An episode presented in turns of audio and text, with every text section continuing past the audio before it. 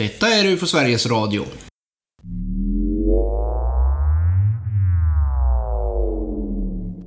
I programpresentationen för UFO Sveriges Radio står det att podden behandlar ämnet UFO och närliggande ämnen ur olika perspektiv. Äntligen, kanske någon tycker. Nu växlar podden upp med nytt ämne, nya perspektiv och ny röst i UFO Sveriges Radio. Skall erkännas att detta är för mig att komma ut på djupt vatten.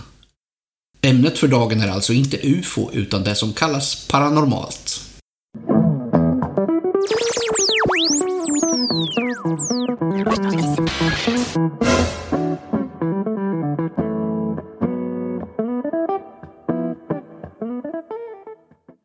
Paranormalt är ordet för dagen. Men först har jag den äran att presentera poddens första kvinna. Och med detta bryter vi ny mark och hoppas att fler tjejer, kvinnor och tanter kommer att göra sin röst hörd i UFO Sveriges Radio framöver. Nu vill vi höra vem du är. Mitt namn är Victoria och jag är eh, UFO Sveriges sekreterare och ansvarig för eh, Instagram och Twitter. Du ska känna dig varmt välkommen till podden. Tack så mycket. Vad är kopplingen mellan dig och UFO? Det är ju min pappa först och främst. Det började med att jag lärde känna honom när jag var 15, det är ganska sent. De flesta har ju sin pappa med sig från början. I början där så fick jag reda på att han var med i något som hette UFO Sverige. Jag hade ju ingen aning om vad det var för någonting. Följde med ett par gånger och sen var det väl inte mer med det. Men ju äldre jag blev, ju mer intresserad blev jag. Med tanke på att jag har egna händelser. På den vägen är det. Och till Du slut måste så... ju berätta för oss här nu vem din pappa är. Min pappa är Mats Nilsson. Och då klarnar det säkert för många Ja, här. han är en av dem som hjälpte till att bygga upp UFO Sverige. I allra högsta grad. Vi har ju hört honom i flera avsnitt i podden här förut. Du har Spännande. inget mer att tillägga i den frågan? Nej, det är väl ganska, ganska bra förklarat. Ja, absolut. Vad jag förstår så blir det inte så mycket UFO i avsnittet. Nej, Istället får du berätta varför du vill benämna avsnittet för just paranormalt. det är för att det är mest paranormala händelser jag har varit med om. Bara två av de här sakerna har varit Av UFO-relaterat. UFO-karaktär, ja. Precis. Men det här ordet paranormalt är ett svårt ord. Det alltså, jag menar, det är para, det är vid sidan om. Det, är, det är inte som man ofta läser att det, att det står att det är övernaturligt. Det är ganska laddat skulle jag vilja Ja, säga. övernaturligt är ju mera, det skulle jag ju vilja säga att det är ju över naturen. Det, det är ju utanför. Det här som du tänker på, det paranormalt, det är mera vid sidan om. Håller du med? Exakt. Det är en, en egen vetenskapsgren som verkligen inte är accepterad hos många. Många ser det ju som pseudovetenskap. Precis. Men man kan ju forska på det här lika väl som man forskar på något annat. Ja. Inom olika discipliner. Men sen kan man ju ha svårt att bevisa vissa Ja, paranormala... absolut. Det är ofta anekdotiska saker. saker och, och ofta spontanfenomen som är svåra att återupprepa och så vidare. Men eh, jag tycker att du får ordet och börjar precis vad du tycker är lämpligt. Berätta om dina upplevelser. Ja, det började redan när jag var väldigt liten. Jag bodde i Vårby gård. Från att jag föddes till att jag var 11. Du får berätta var Vårby gård ligger. Det är en förort till Stockholm. Okej, ja. Då sitter jag i vardagsrummet och tittar på TV, som alla barn gör. Vi har en balkong då. då. Och genom balkongdörrens fönster så ser jag det är som en hand som är formad som en pistol. Och det är som att skuggan hänger i luften. Väldigt märkligt. Jag satt och tittade på den där ett tag och undrade vad tusan det där var för någonting.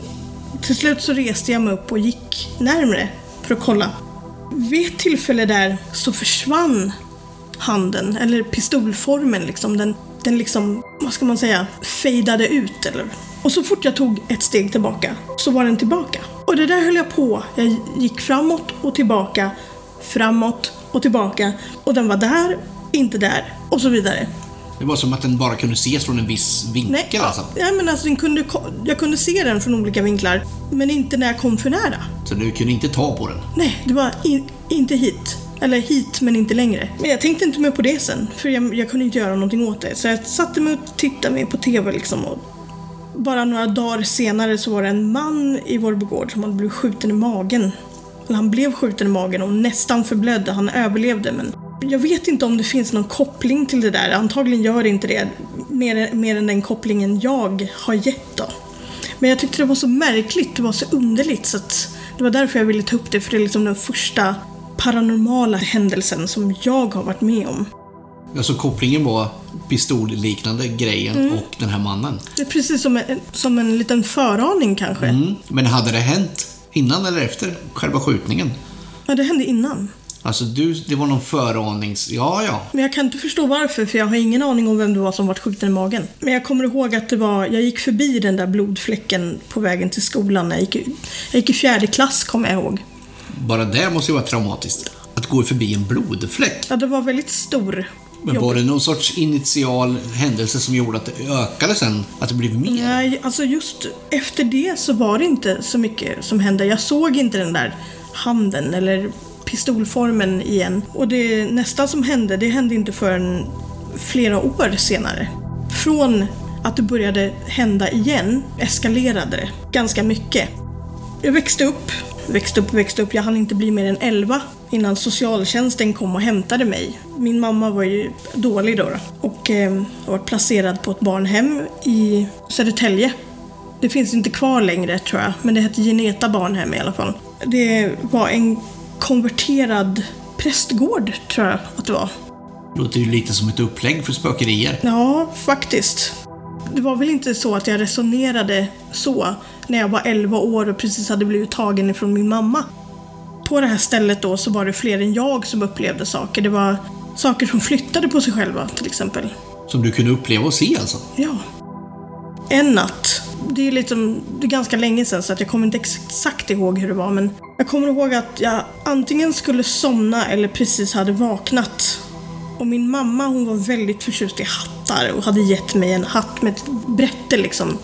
Och i mitt rum hade jag en bokhylla och jag hade lagt den på hyllan. Den här hatten dras fram på hyllan mot kanten och ramlar ner i golvet. Och där ligger jag med täcket upp under hakan och nästan skakar av skräck. Och, för jag kunde ju inte se vem det var som drog den där hatten ifrån bokhyllan liksom.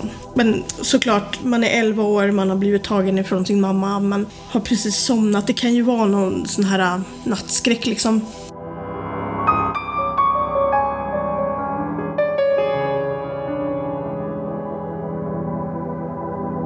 En annan sak som är väldigt svårt att förklara, det hände också på Geneta barnhem. Det var när vi äldre barn fick vara vakna till klockan tio på kvällen. Och då satt vi och tittade på film. Det var höst, kommer jag ihåg, och det var mörkt ute. Och helt plötsligt så hör vi en riktig smäll utifrån i huset. Typ som att det är någonting hårt som har åkt in i väggen. Allihopa springer ut på balkongen som ligger på samma våning vi är på då. Springer ut och tittar, både jag och de andra barnen och de som jobbade där då. Men vi kan ju inte se någonting för det är kolsvart ute. Men vi står där i alla fall och resonerar, vad kan det vara för någonting? Och man kommer inte fram till något vettigt alls. Vi gick tillbaka och satte oss och försökte titta färdigt på filmen för det var liksom upphällningen sådär. Men det dröjde inte länge innan nästa smäll kom. Exakt från samma håll, exakt lika hårt liksom. Återigen springer vi ut. Alltså ni hann att gå in emellan. Ja, vi hann gå in, sätta oss och titta lite på filmen sådär när nästa smäll kommer. Vi går ut igen, samma visa, vi ser ingenting. Och då har klockan hunnit bli tio då, då och då säger de här som jobbar där att nu är det dags att gå och lägga sig. Vi hann inte titta färdigt på filmen på grund av det här. Vi går och lägger oss och jag tror att varenda en som la sig den kvällen hade en olustig känsla i kroppen. På morgonen efter, innan jag går till skolan, så går jag runt huset. Rätt stort tegelhus alltså. Gult tegel. Går runt huset och tittar på fasaden. Och då saknas det två stycken gula tegelstenar i fasaden. Jag vet inte om de var borta sedan tidigare eller om det har någonting med de här ljuden att göra, men de var inte där.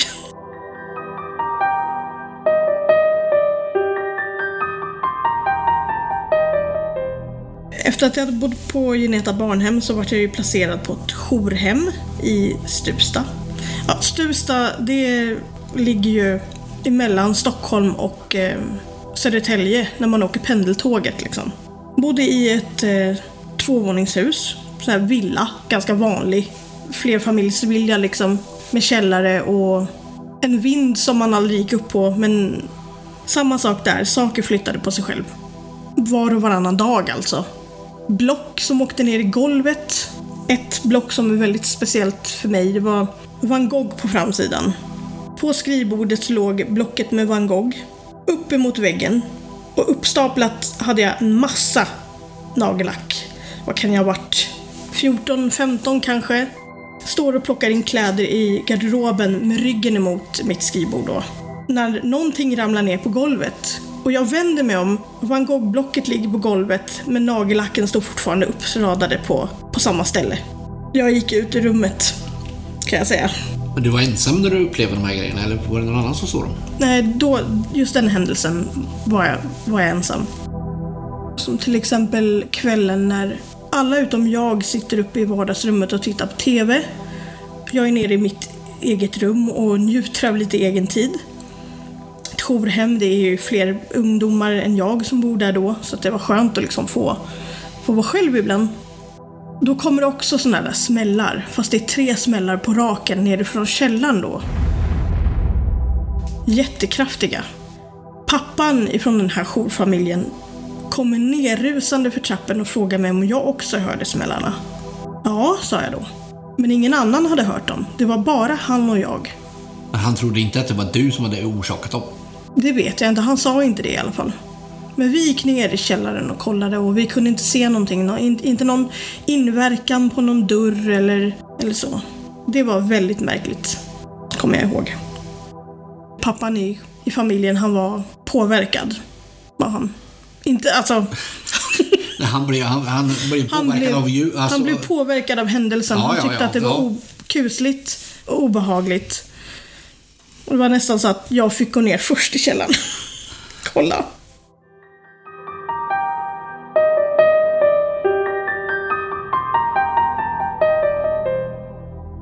En annan sak då jag också var själv, det var ovanför min säng hade jag såna här flytande hyllor så att säga. Och på en av de hyllorna hade jag en sån här liten cellofanpåse, eller det var en påse gjord av sånt där cellofanpapper. Och i dem så ligger det såna här små badbollar och, och såna här små, man kunde testa duschkräm och sånt. Jag sitter i sängen, jag kommer inte ihåg vad jag gör om jag ritar eller läser men jag sitter i alla fall där och hör hur det prasslar uppifrån. Från den här hyllan då. Jag ställer mig upp och tittar och ser hur den här dras emot kanten men den hinner liksom inte, inte fram till kanten och ramla ner i sängen innan jag puttar in den mot väggen och sätter mig i sängen igen och funderar vad var det som hände? Det där... Vid det här laget, när saker och ting har flyttat på sig på en någorlunda regelbunden basis, då börjar man ju fundera, vad är det som händer? Ska det vara så här? Är det här normalt? Eller är det... Jag kunde ju inte prata med någon om det här. Jag pratade ju uppenbarligen med någon, men det var ingen som kunde ge mig något svar. Ingen annan har upplevt det här. Inte där jag bodde, inte själv. Men däremot så var det en annan tjej som bodde där.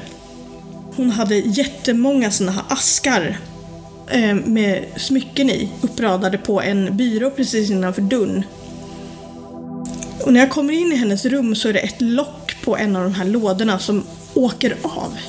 Inte för att jag har råkat komma åt locket, utan det är ett sånt här lock som man måste lyfta upp för att det ska gå av, eller komma av ifrån lådan. Då.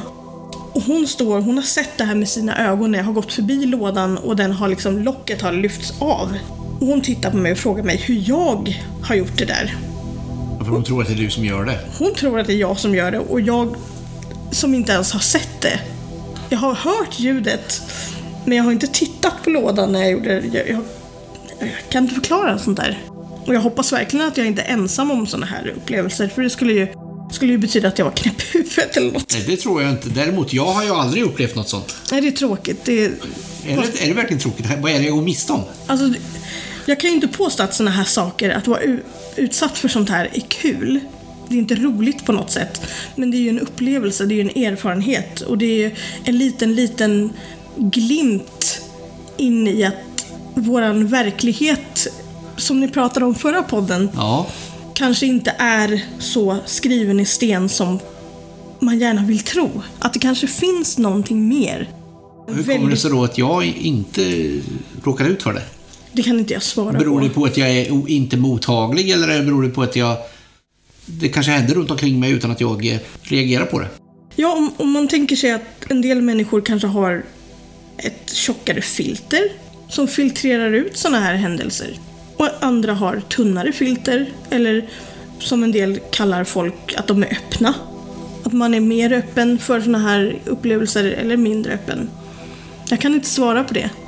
Men eh, eftersom jag bodde på ett jourhem, det betyder ju inte att man ska bo där permanent utan det är ju liksom en plats du kommer till för att bli vidare slussad. Det är ett dåligt ordval men det är vad jag kommer Det på låter just nu. oerhört avancerat för en som inte har varit i närheten av sånt där.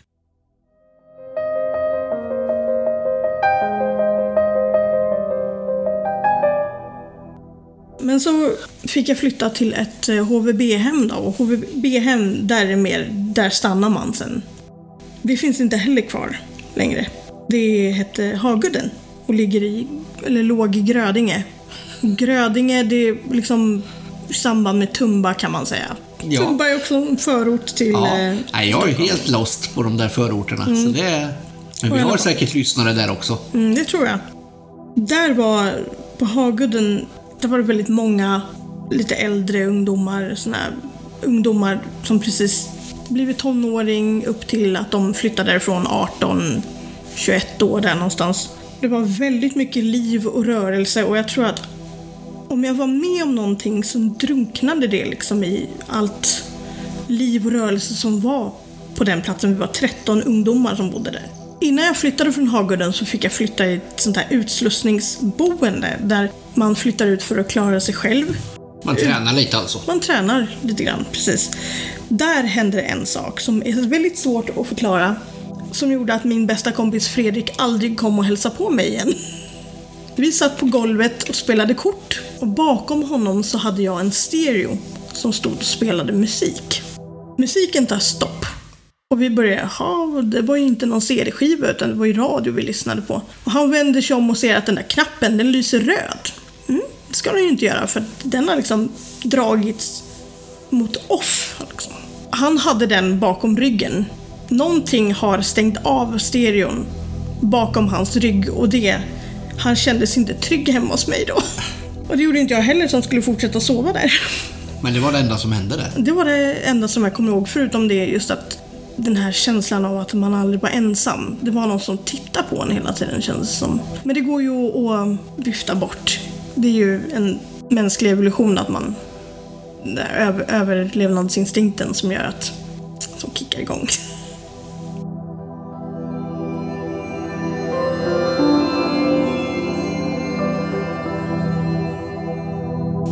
Och när jag bodde på Hagudden träffade jag min första man. Och det var tillsammans med honom jag flyttade ihop och det var därför jag flyttade från Hagudden då. Flyttade jag så långt bort som till Sala. Sala silvergruva tror jag många vet vad det är. Det är i anslutning till Västerås. Inte långt ifrån Uppsala.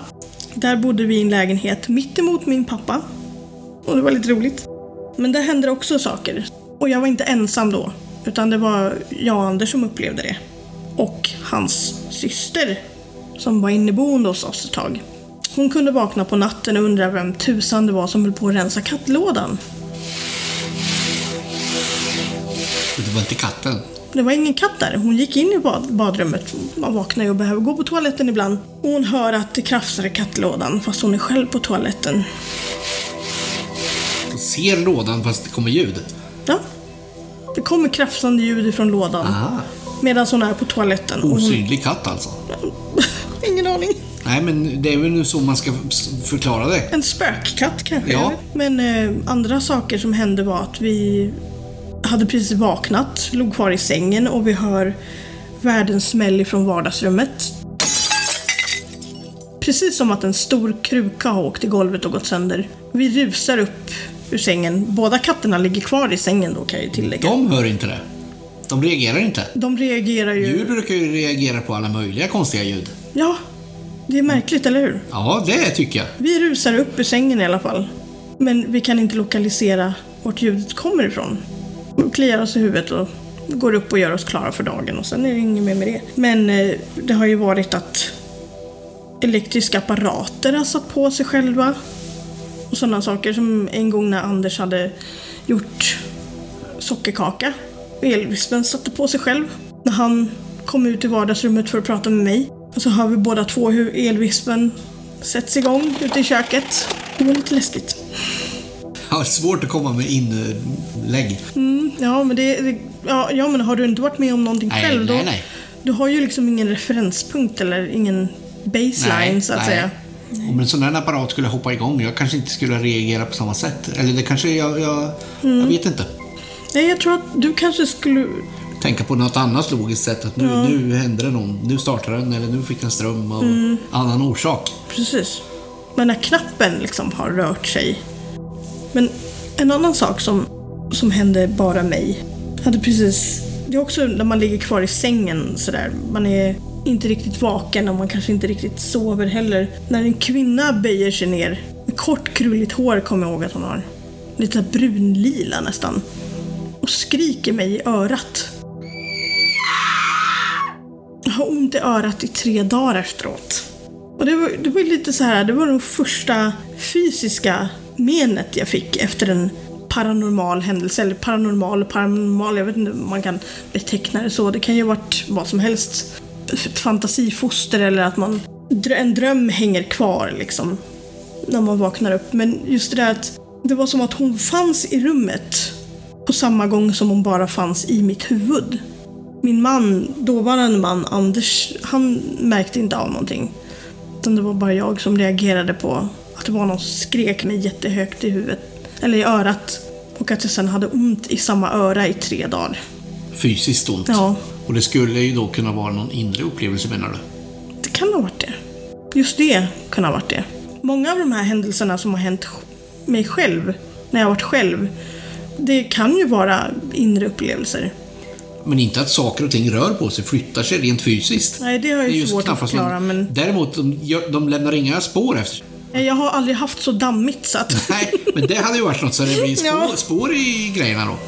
Nej, men det, det har ju också hänt att saker har flyttat på sig precis när jag har stått framför dem. Alltså, Men det är alltid centimeter. själv när det flyttar sig, när, det- när det händer.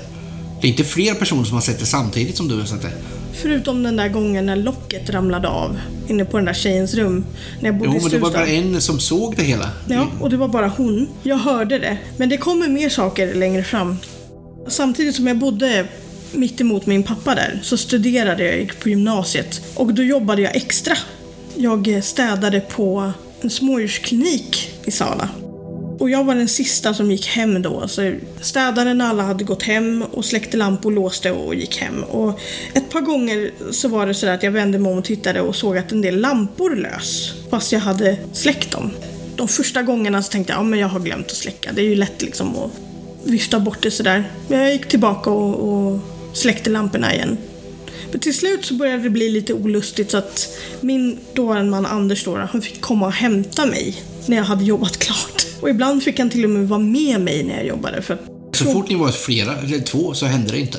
jo, det hände en gång när, när han kom och hämtade mig. Vi vände oss om och tittade. Då såg han också att lamporna lös. Fast de hade varit släckta när vi gick därifrån. Vi såg det inte när de tändes, men de var tända när vi vände oss om och tittade. Men ni gjorde inte någon undersökning om om det var någonting som gjorde att de tändes? jag gick in, släckte lamporna och gick fort därifrån. Andra gången var de släckta. Alltså Ja. permanent. Precis. Då, var de, då tändes de inte igen. Nej, utan det var den här extra gången. Och jag hade väl gått med på att ibland så kan man ju kanske inte komma åt den här lampknappen ordentligt så att den liksom går tillbaka till sitt tidigare läge. När nästan alla lampor, eller på hela kliniken, lyser. Då, då är det liksom inte, då är inte jag som är klumpig Då längre. började det bli jobbigt kanske. Det börjar bli lite underligt. Och det var på den här platsen också som mina kollegor berättade att när de hade stängt av telefonerna och gjort i ordning för dagen då, så var det alltid någon som hade ett head- headsetet på sig innan de tog av sig det. Då, då kunde de höra hur de stationära telefonerna, det var som att det var någon som lyfte på luren på en annan telefon på kliniken. Och ibland så ringde även telefonen fast de hade stängt av den. Och sådana där saker berättade Och det de. var ingen då som, som kunde prata då. Nej, för de hade ju stängt ner linan liksom. För det kanske var någon som kunde ringa in, men just det här att det var som att det var någon som lyfte, man hörde det där klicket i headsetet. Och sen var det den där um, damen jag såg. Den där vitklädda damen. Den har du inte berättat om. Jo, jag berättade om det i Ängelholm, men du var ju ute och jagade Anders Berglund då.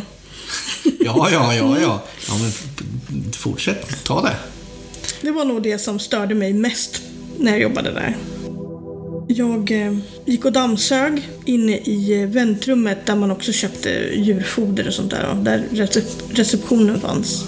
I dörröppningen in till första hallen där man vägde djuren så att säga. Inför varje besök. Stod det en kvinna en gång. Väldigt snabbt. Jag hann titta upp och jag hann se Alltså, det henne. var ingen riktig person alltså. Nej.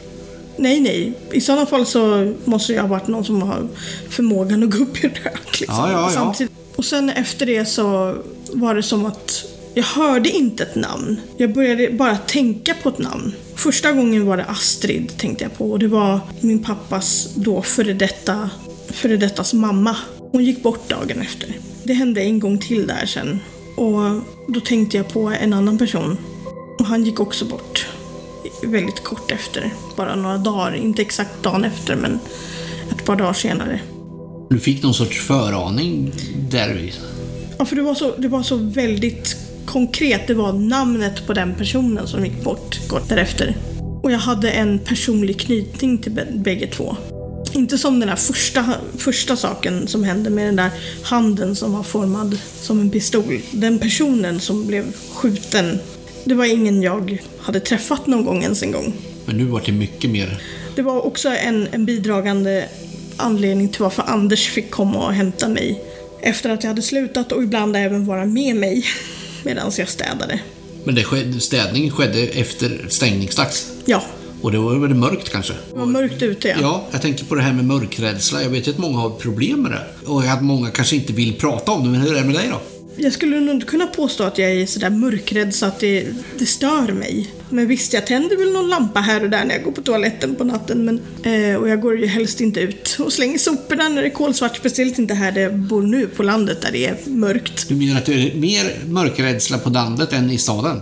Ja, men det tror jag nog. Men här, det är ganska rimligt Det kolsvart gör ju att man kan snubbla och skada sig på grund av mörkt för att man inte ser Ja, någonting. men vi har ju även eh, vilda djur in på knuten i Jo, stort jo, i och för sig. Och. Men de brukar väl oftast bli räddare än vad människorna. Ja. Så springer undan. Jag kan tänka mig att det är många som blir rädda även i stan. Mm. För där är det ju mycket, mycket lampor och grejer som man, man ser ingenting för att det är så mycket ljus. Mm. Istället. Och då, då vet man inte vad det är som rör sig i buskarna. Så att det, många har problem med mörkrädslan. Mm. Men det är, mörkrädslan är inte kopplad till de här händelserna. Kanske. Just när det är mörkt. Jag har ju inte, de sakerna jag har varit med om så, de har ju inte skett jämt när det har varit mörkt. Det har ju varit på ljusan dag, dagen och sådär. Men eh, De förstärks i mörker. nej, det tror jag inte. Men det är ju min egen fantasi då som Ja, spelar. jo, men det kan, den kan ju spratta iväg även på mig. Mm. Även om jag inte, inte känner att jag råkar ut för någonting eller upplever någonting. Men jag tänker så här att de sakerna jag har varit med om, om jag skulle vara med om dem när det var mörkt, Då skulle de bli större. då hade jag blivit mer rädd. Och Ja. det är väl det jag är rädd för, att det ska hända någonting när det är mörkt. Att jag ska se någon som står i en skugga eller, eller höra en... Det är svårt att komma loss ur situationen om det är mörkt. Men just när det är mörkt då är man själv liksom på, på natten. Intressant det där med mörkrädsla. Mm. Ja, men det är ju många som... Det börjar ju när man är, är liten och sen kan det ju följa med långt upp i, i vuxen ålder.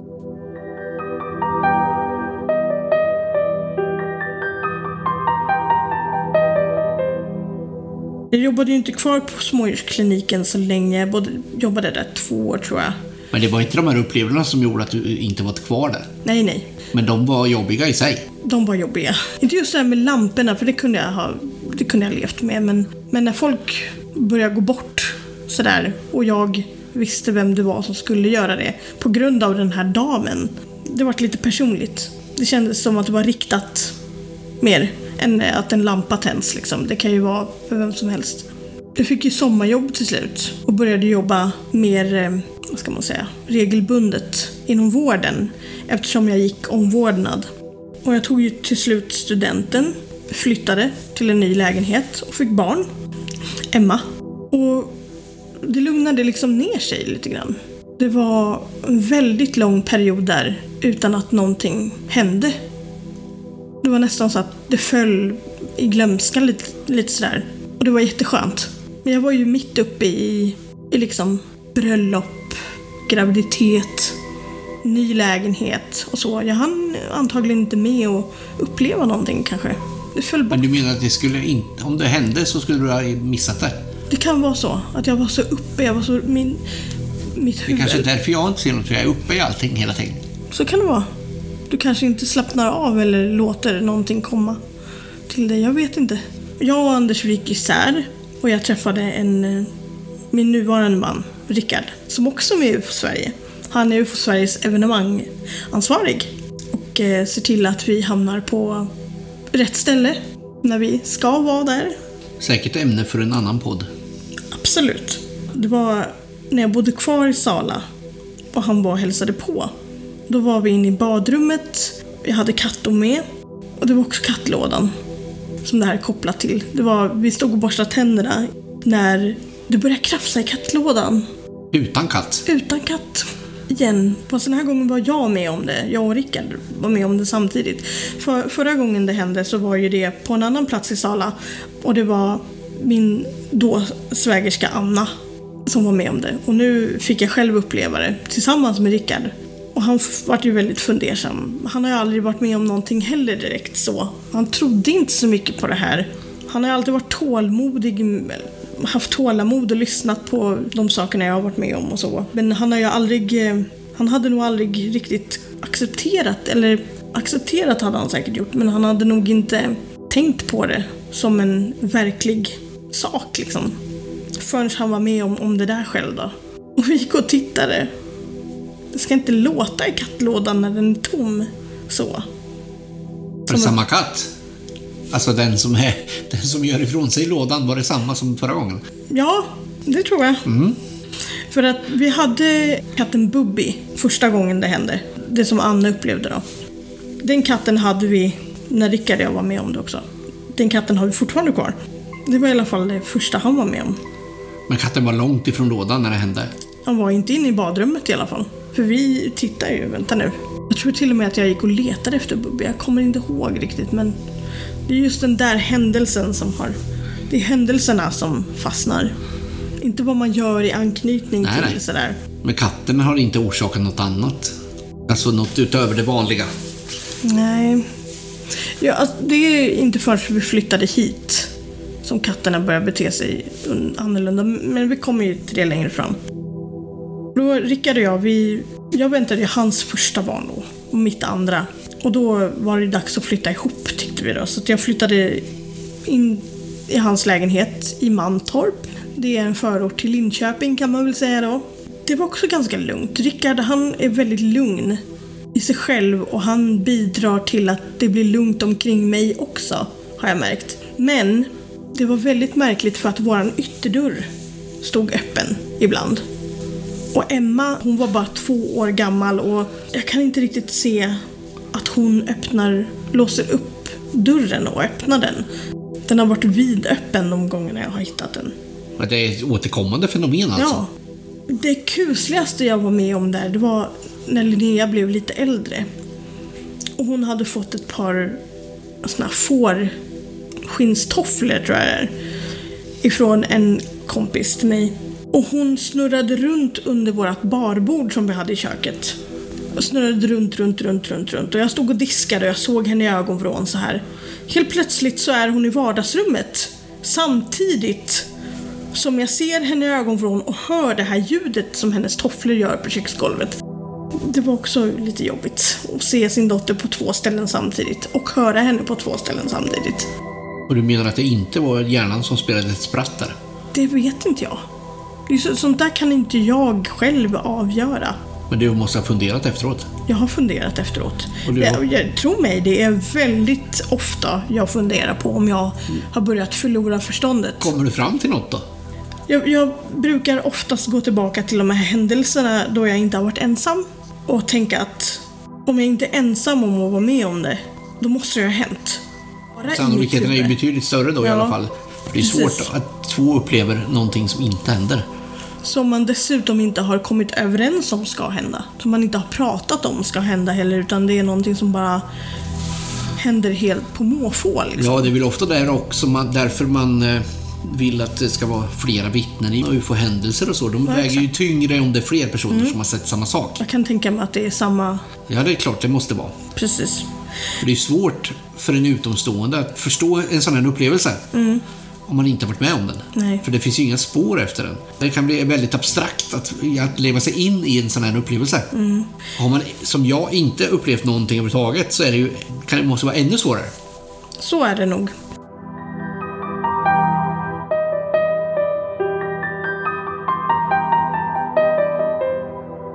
När jag bodde i Mantorp så jobbade jag även på ett äldreboende. Vid Folkagården heter det. Heter fortfarande. Det är också sådär, folk går bort på äldreboenden och det är ju bäddat för att det ska hända någonting. Och visst händer det någonting. Jag tror att det händer någonting överallt. Äldreboenden är väl inget undantag även om det kanske gärna blir mer koncentrerat där. På en avdelning så var det väldigt högljutt. Det smällde i dörrar. Även fast de dörrarna var stängda. Jag stod och vek tvätt i en av avdelningens, eller på just den avdelningens eh, tvättstuga. När dörren bredvid mig är stängd, men jag hör hur den smäller igen. Just den dörren är en sån här um, dörr som går igen av sig själv. Så det blir ett speciellt ljud när, när den liksom klickar, när, det, när den stänger sig. Och det är ljudet, fast mycket högre, precis som att det är något som har smält igen dörren. Fast den var Kraft, stängd. Ja, 40 gånger. precis. Och just på den avdelningen, det var väldigt få som bodde där så att man var ju alltid själv på, på helger då, speciellt på kvällarna. Men på en annan avdelning så var det en kvinna som hade gått bort. Jag kommer ihåg att dagen innan hon gick bort så bytte jag nattlinne på henne. Det var väldigt känslomässigt för jag tyckte om henne. Jag tyckte om de flesta jag jobbade med och för, eller hur man säger. Men eh, hon var väldigt gullig den gamla tomten. Och vi visste att hon skulle gå bort men det var ändå det är alltid jobbigt när, när folk går bort. Nästa gång när jag kom tillbaka till jobbet så berättade mina kollegor att när de hade varit och hämtat henne och dagarna efter, medan jag hade varit ledig, så hade det larmat ifrån hennes rum ett par gånger. Precis som att hon inte riktigt hade förstått vad som hade hänt och hon ville ha hjälp. Jag vet inte, det är ju en egen tolkning som jag har men det var väl lite så de tolkade det också kanske. Och det hade ju hänt fler gånger. Men det var just det som hände när jag jobbade där. De berättade. Överhuvudtaget måste det väl vara en speciell stämning att arbeta när man är så nära döden hela tiden. Ja, men på det samma är gång... även svårt att tänka sig för en sån som inte aldrig upplever den där miljön. När jag tänker tillbaka på det så tycker jag inte att det var konstigt. För döden är ju en, en väldigt stor del av livet. För mig som har varit med om sådana här saker, jag tror ju inte riktigt på att det tar slut. Så jag tror att jag kanske ser på livets slut på ett annat sätt än vad någon som, som du, som inte har varit med om någonting. Som inte heller tror att det är någonting efter döden. Mm. Men hur, hur menar du att det skulle vara? Är det ur någon sorts religiöst perspektiv eller är det ur någon annan synvinkel? Nej, det tror jag. Jag är inte kristen, jag är inte religiös på något sätt. Eller, eller troende på så. Jag tror mer att vi fortsätter, men jag vet inte hur. Om det är energin som går vidare, som manifesterar sig på ett sätt som gör att vi känner igen det. Eller om vi går i, över i en annan dimension. Att, att vi kanske redan är i en annan dimension och en del av oss är här i våra kroppar. Och du tror att det skulle då kunna orsaka de här fenomenen? Skulle det kunna vara. Det är ju ett jättestort ämne som säkert är en diskussion för något annat forum än det här. Ja, Just om döden och efterlevande. precis.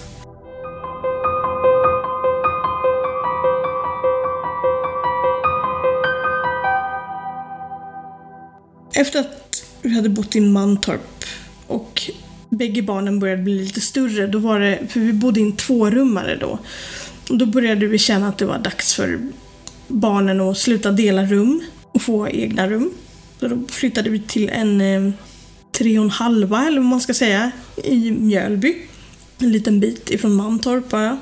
Degdala, som många kallar det. Men där var det också sådär att vi bodde ju i ett trapphus. Jag bodde i trapphuset! Nej, vi bodde i en lägenhet vä- precis, det var ju ett vanligt radhus eller vad man ska säga. Och där var det också ibland att man stod och donade i köket, gick ut i hallen och bara vänta nu, ytterdörren är öppen.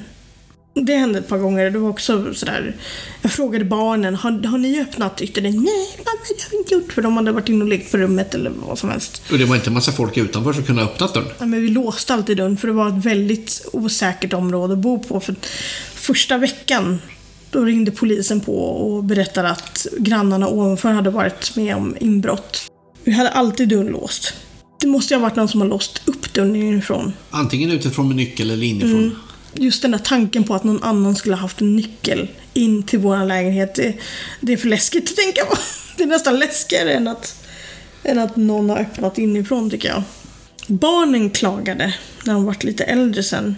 De fick för sig i alla fall, eller jag, jag vet inte riktigt. De berättade att det var en man som stod och tittade på dem när de sov. Och jag försökte förklara bort att det var morfar eller gammelmorfar eller någonting sådär. Och det hände fler gånger att de inte ville sova i rummet.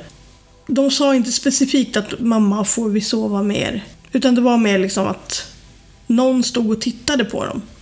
I rummet. I rummet, vid fönstret. Men den, den sån upplevelse hade inte du själv haft. Nej. Mer än den där damen som skrek Ja. med örat. Men det, Men, men de har en återkommande upplevelse om att det står någon i rummet. de hade två skilda rum då. De hade rummen bredvid varandra. Så det är typ två personer. En står i det ena rummet och en står i det andra rummet. Det vet jag inte. Men de har sam, sa- berättelsen är den Det är, samma. två, det, är, det är en man som har stått och tittat Ja. på dem i alla fall. Den här typen av berättelser är ju inte alls ovanlig. Nej. Att det står folk och glor på den när den sover. Nej, precis. Så de fick eh, dela rum igen sen. För Och då det var- det ner sig. Nej, det, det var likadant. Det var bara det att den här gången så stod ju mannen och tittade på dem båda två. Och båda upplever det. Ja, samtidigt. Och det är inte något de drömmer. Nej, de berättade inte att det var en dröm, utan det var liksom... Jag tänker om det är typ en sån här klardröm, att Mm. den blir så verklig fast egentligen är den inte.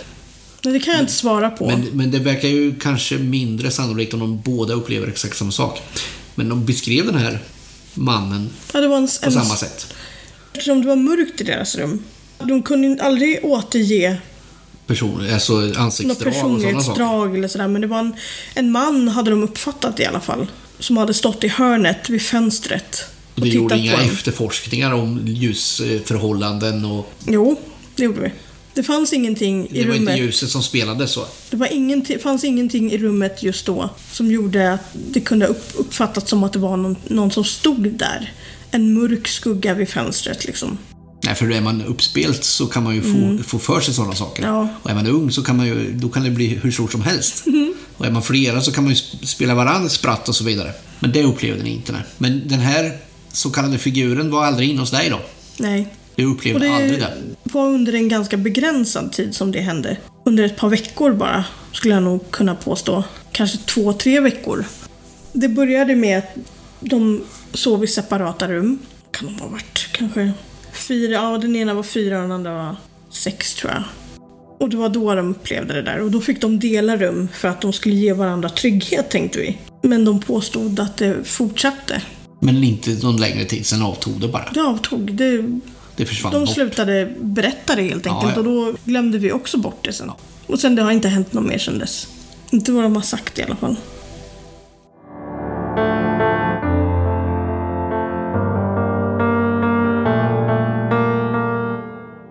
Här som hände i Mantorp med att jag såg Linnea på två ställen samtidigt. Det hände med Rickard en gång också. Jag satt i köket. tror att jag hade blivit sekreterare för Sverige då. När blev det? Bra fråga. Bra fråga. Vi får kolla jag i protokollet. Då sitter jag och skriver på datorn, ser i ögonvrån hur Rickard går i hallen förbi köket, vänder mig om och tittar och ser hur hans liksom vad, och, eller benet, underbenet försvinner bakom väggen då. Precis som att han har gått ifrån vardagsrummet ut till, till eh, ytterdörren. Och jag undrar ju, "Ha, vad ska du göra?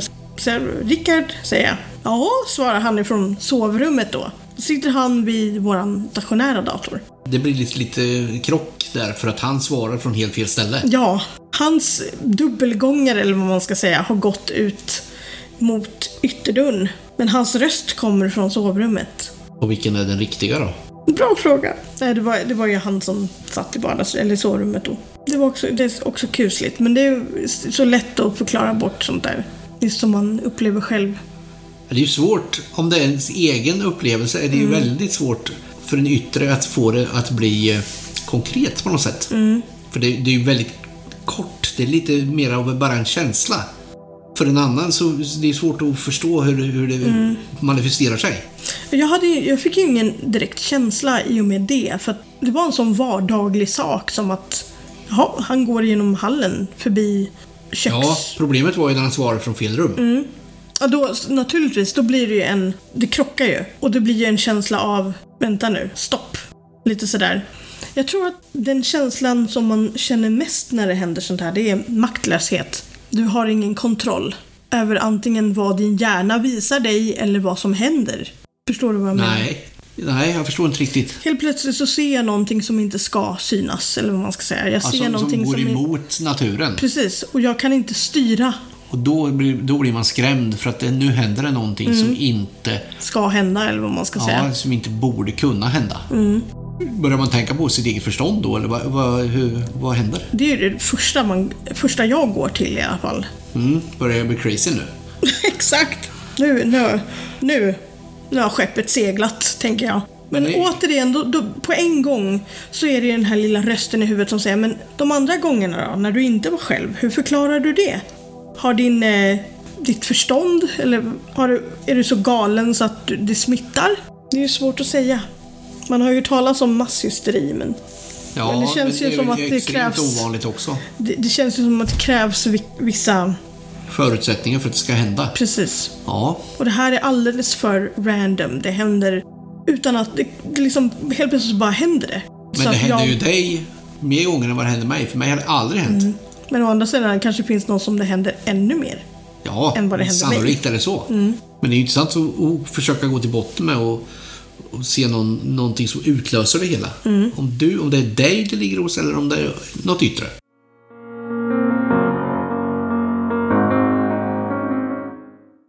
Men efter att vi hade bott i Mjölby då, då kände vi att det fick vara nog med lägenhet.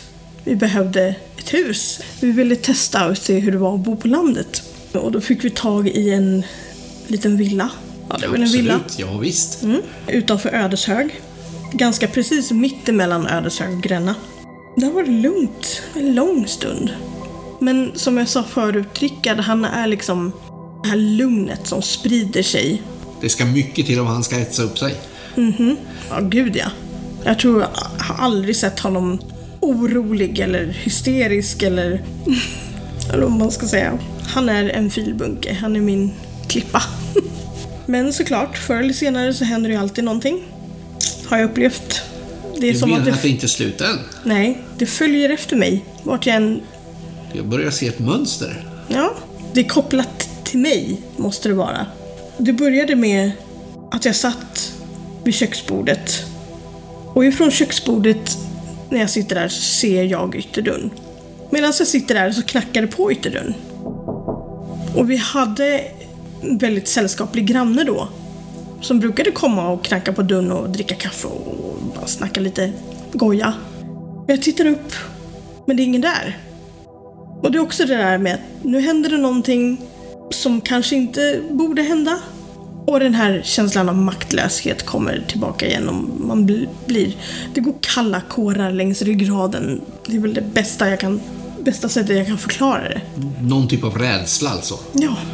Men ändå inte... Det är inte Det är inte skräck. skräck. Olust. Olustigt liksom. Men det är ju bara strunta i det. Fortsätta jobba med vad man än håller på med.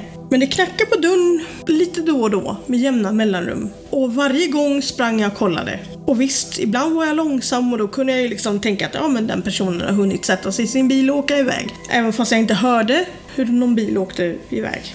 Men det var på vintrarna när det knackade på som man kunde se om det var någon som hade gått i snön. Och när det då inte var några fotsteg, samma sak där. Det händer saker som kanske inte ska hända.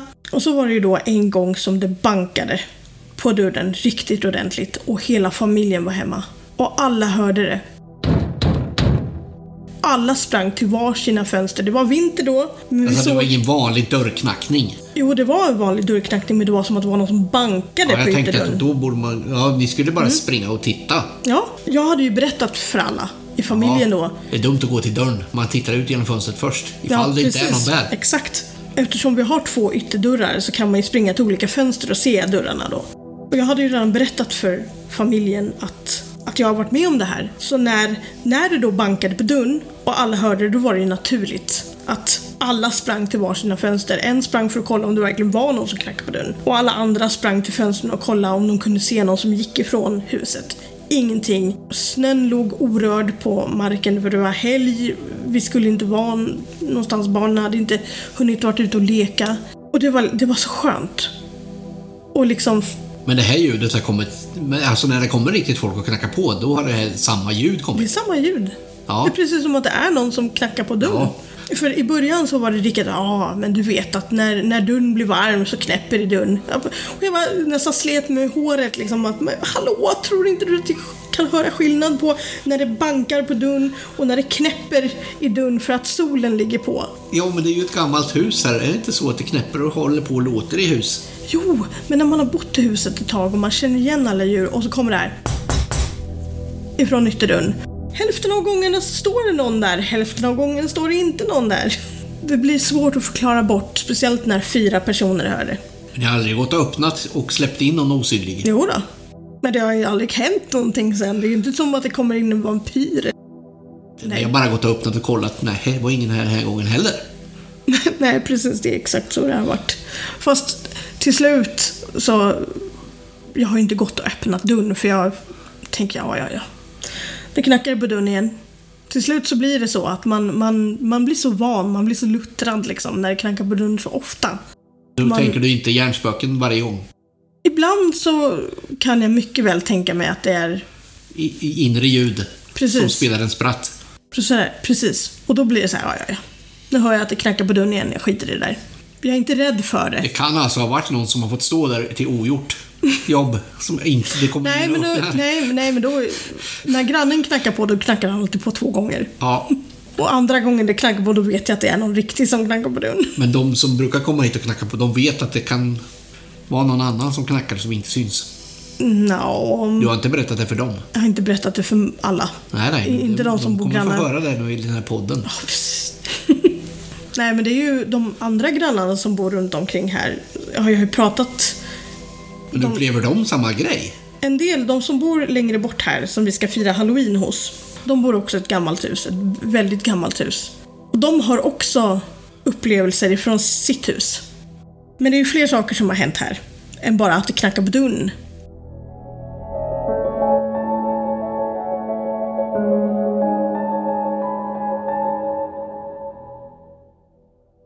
Som våran katt klättrade upp i träd en gång.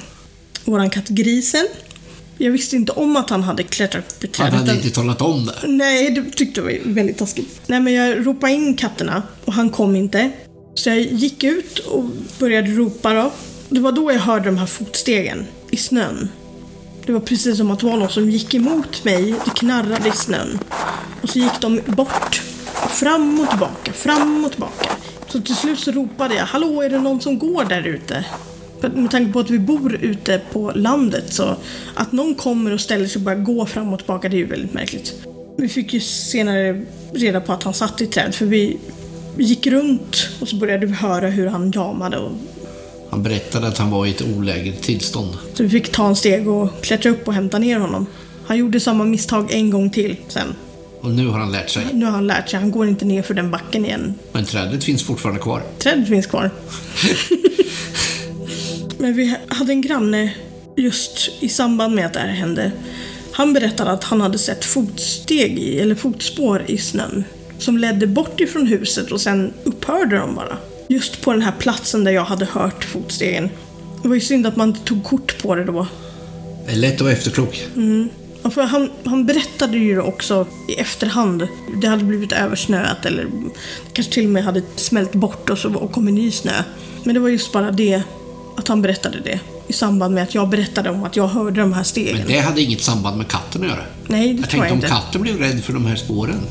Det, det, det finns inget samband Nej, med tanke på att katten satt i träet en bit back, alltså där rådjursstråket är, där rådjur och... Alltså katten är inte uppskrämd i trädet av någon entitet eller vad man säger som gör det, det fotspår. vet jag men det är en ganska bra bit mellan Ja, ja. fotspåren och själva trädet som han satt i. Så där kan man inte direkt se något samband. Det enda sambandet som finns det är just att vildsvinen och rådjuren har väljer att springa över vägen där mellan ängarna. Då kan man tänka sig att katten håller sig undan från de djuren.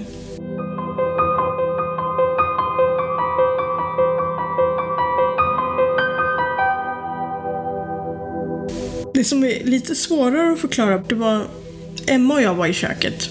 Där du sitter nu, det stod en annan stol där. Men den stolen drogs ut av sig själv. Medan Emma var i köket och jag var precis på väg ut i köket. Så jag hör det, hon ser det. Hon förlorar det nästan. Alltså Panik. Hon, hon får panik. Mamma, någonting rörde på sig. Liksom, hon kunde inte riktigt formulera. Mamma, stolen rörde på sig. Var, Mamma, någonting rörde på sig. Hon höll på att klä på sig för hon skulle till skolan. Och står och på knä på stolen liksom och ska precis sätta på sig kläder när det händer. Och det var jättekusligt. Det var sådär, inte mina barn också. Det är en sak om jag och andra vuxna råkar ut för saker men, men när mina egna barn börjar se saker flytta på sig, det blir också det blir också personligt på något sätt. För att jag vill ju inte att det här ska hända mina barn. Jag vill ju att de ska växa upp och vara trygga. Du känner att det är något som hotar då? Nej, inget, inte så, utan det är mest Ja, men det, det är integritetskränkande. Det är ju någonting som kommer emellan dig och ditt barn. Ja, lite så. Det, ja, det kanske är så. Det är just bara så att jag inte tänkte så. Då? Nej. Nej, Nej, men du är ju inte förmögen att skydda barnet i det läget från det här. nej. det, det, det blir lite sådär, hallå där. Ja, det, Då blev det inget efterspel. Det var den här som hände. det var sen- det som hände. Det, det väldigt sig. isolerade upplevelser. Det, det, är liksom, Ja. det dyker upp, försvinner. Och de är otroligt kort, korta. Ja, det är precis som att hallå, jag är här. Som att någon ville visa liksom att glöm inte bort mig, jag är här. Eller, eller någonting, jag vet inte hur jag ska tolka det där.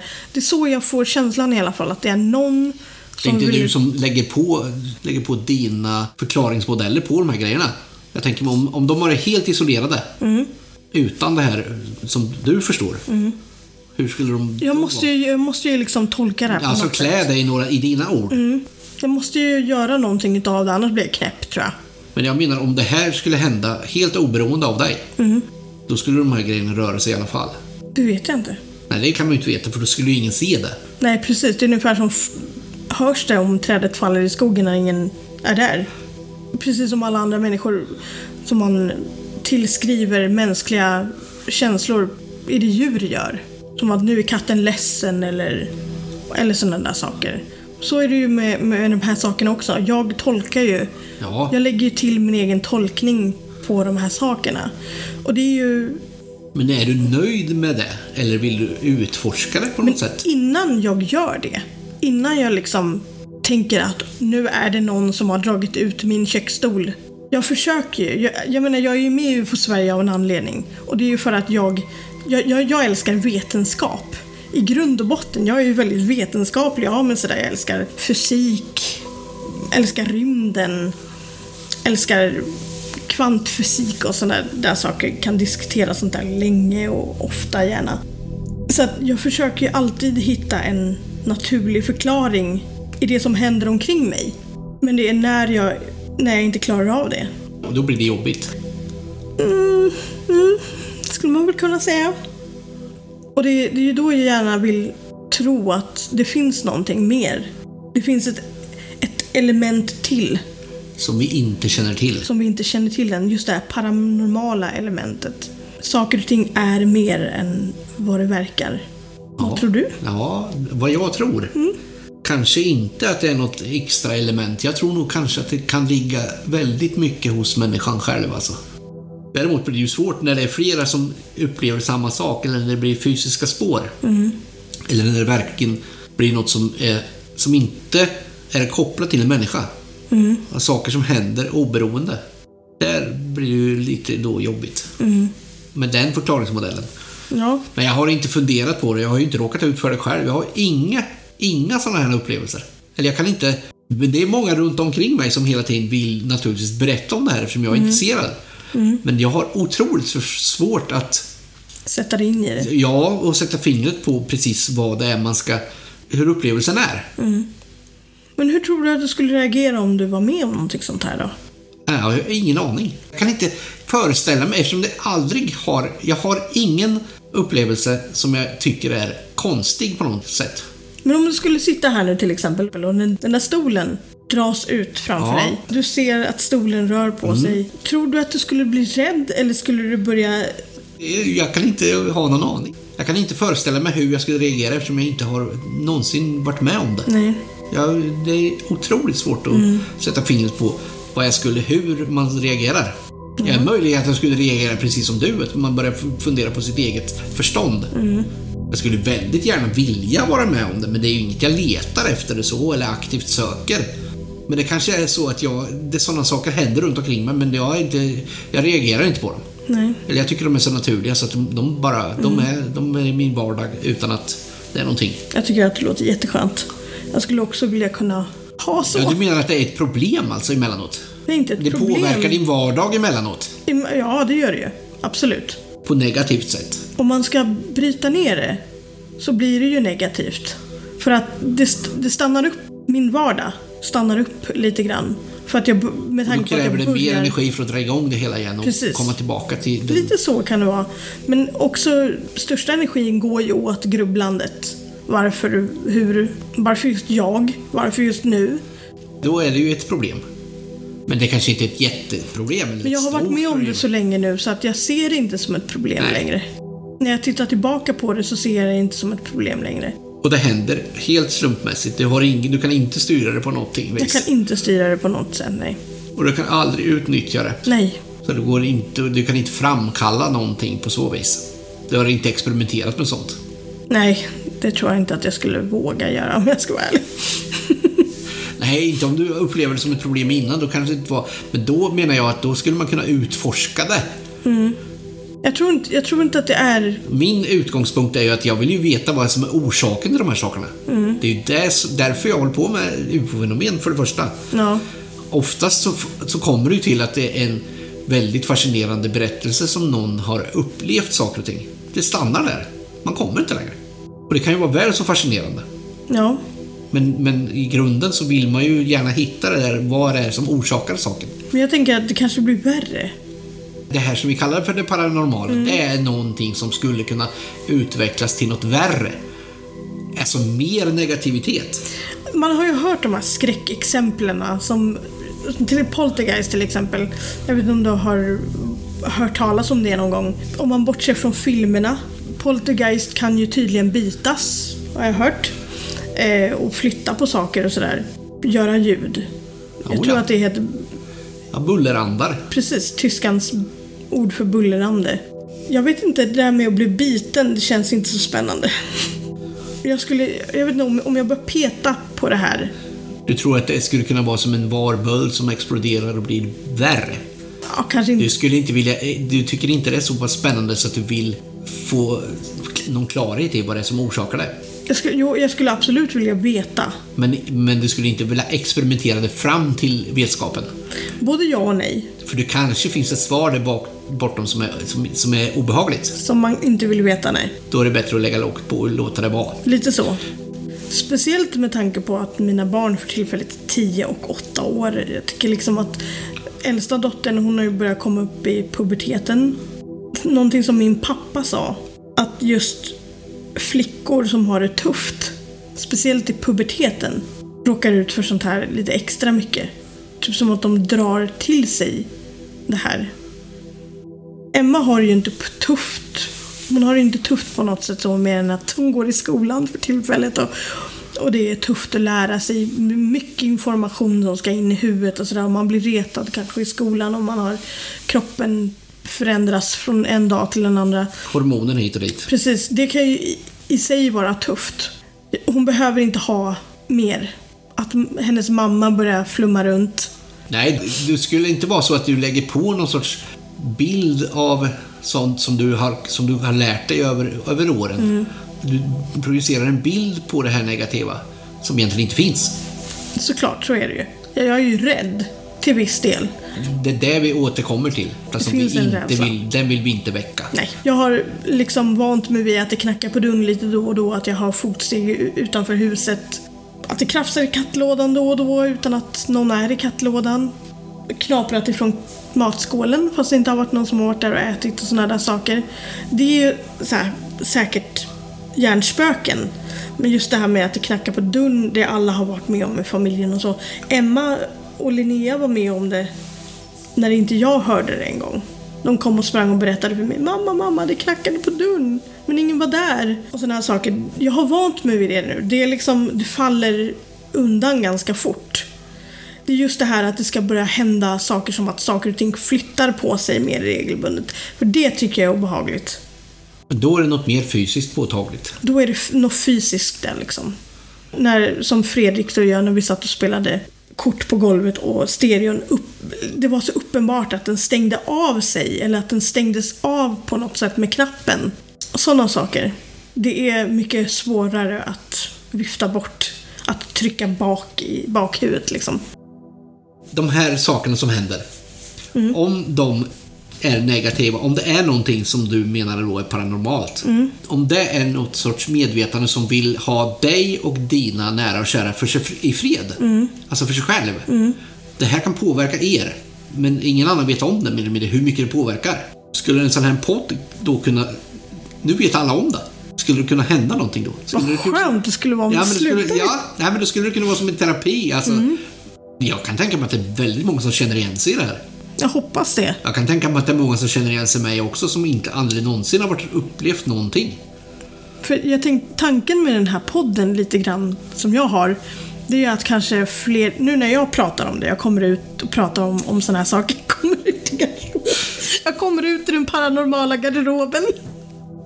Att folk, människor, vågar prata öppet om, om det här. Nu är inte det här någon revolutionerande sak, att- Det är men inte farligt på det viset.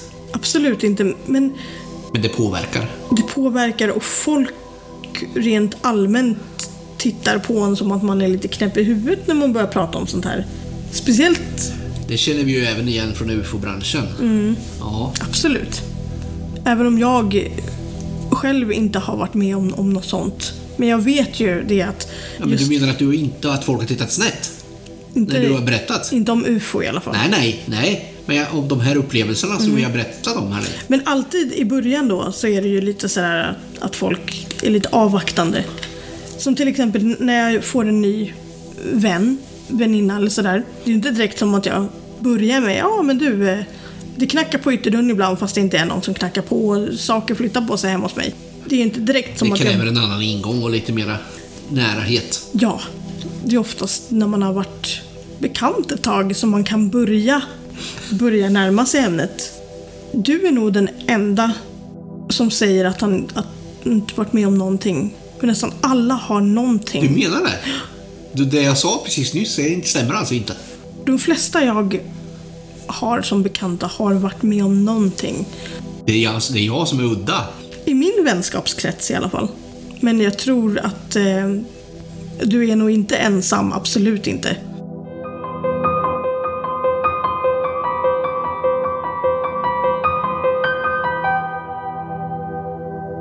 Vid två tillfällen så har jag upplevt någonting som har hänt i en persons förflutna. Som har varit väldigt specifikt. Som jag har kunnat tap into, så att säga. Jag hade en pojkvän när jag var yngre. Som hette Stefan. Vi åkte buss hemifrån Heron City i eh, Skärholmen. Det var sent så jag var trött så jag satt och höll om honom. Och det är som en liten video som spelas upp i huvudet på, på mig då. Att han är med om någonting, något väldigt, inte så jätteroligt. Men jag säger ingenting till honom. Jag tänker att det är, det är jag som har dagdrömt, eller, eller inte dagdrömt, det låter illa, men jag har fantiserat ihop någonting väldigt märkligt. När vi hade varit tillsammans lite längre så ville han berätta någonting då. Och då stämde det här han berättade in exakt på det jag hade sett. Och det var att han hade blivit utnyttjad av sin storebror. Det är en ganska specifik sak sådär som... Och jag visste inte ens om att han hade en storebror när vi åkte hem från Heron City. Det var ingenting han hade berättat med tanke på att han inte var så förtjust i den där storebrodern, konstigt nog. Men eh, en annan gång var... Jag ville testa det här då. Jag var på en liten experiment, experimentresa, eller vad man ska säga, när jag var yngre. Det var också min bästa kompis Fredrik då. Jag pratade om det här och han... För Fredrik och Stefan då, min dåvarande pojkvän, de var också kompisar då. Han bara, men kan du inte testa på mig? Testa om du kan se någonting jag har varit med om. Han satt och tänkte på när han höll på att drunkna. Jag såg när han slog i sitt bakhuvud. Och han har liksom aldrig berättat om det. Han har inte berättat om någonting av det där. Men när jag berättade att jag såg att han ramlade bakåt och slog i huvudet i någonting hårt. Då bleknade han nästan lite grann.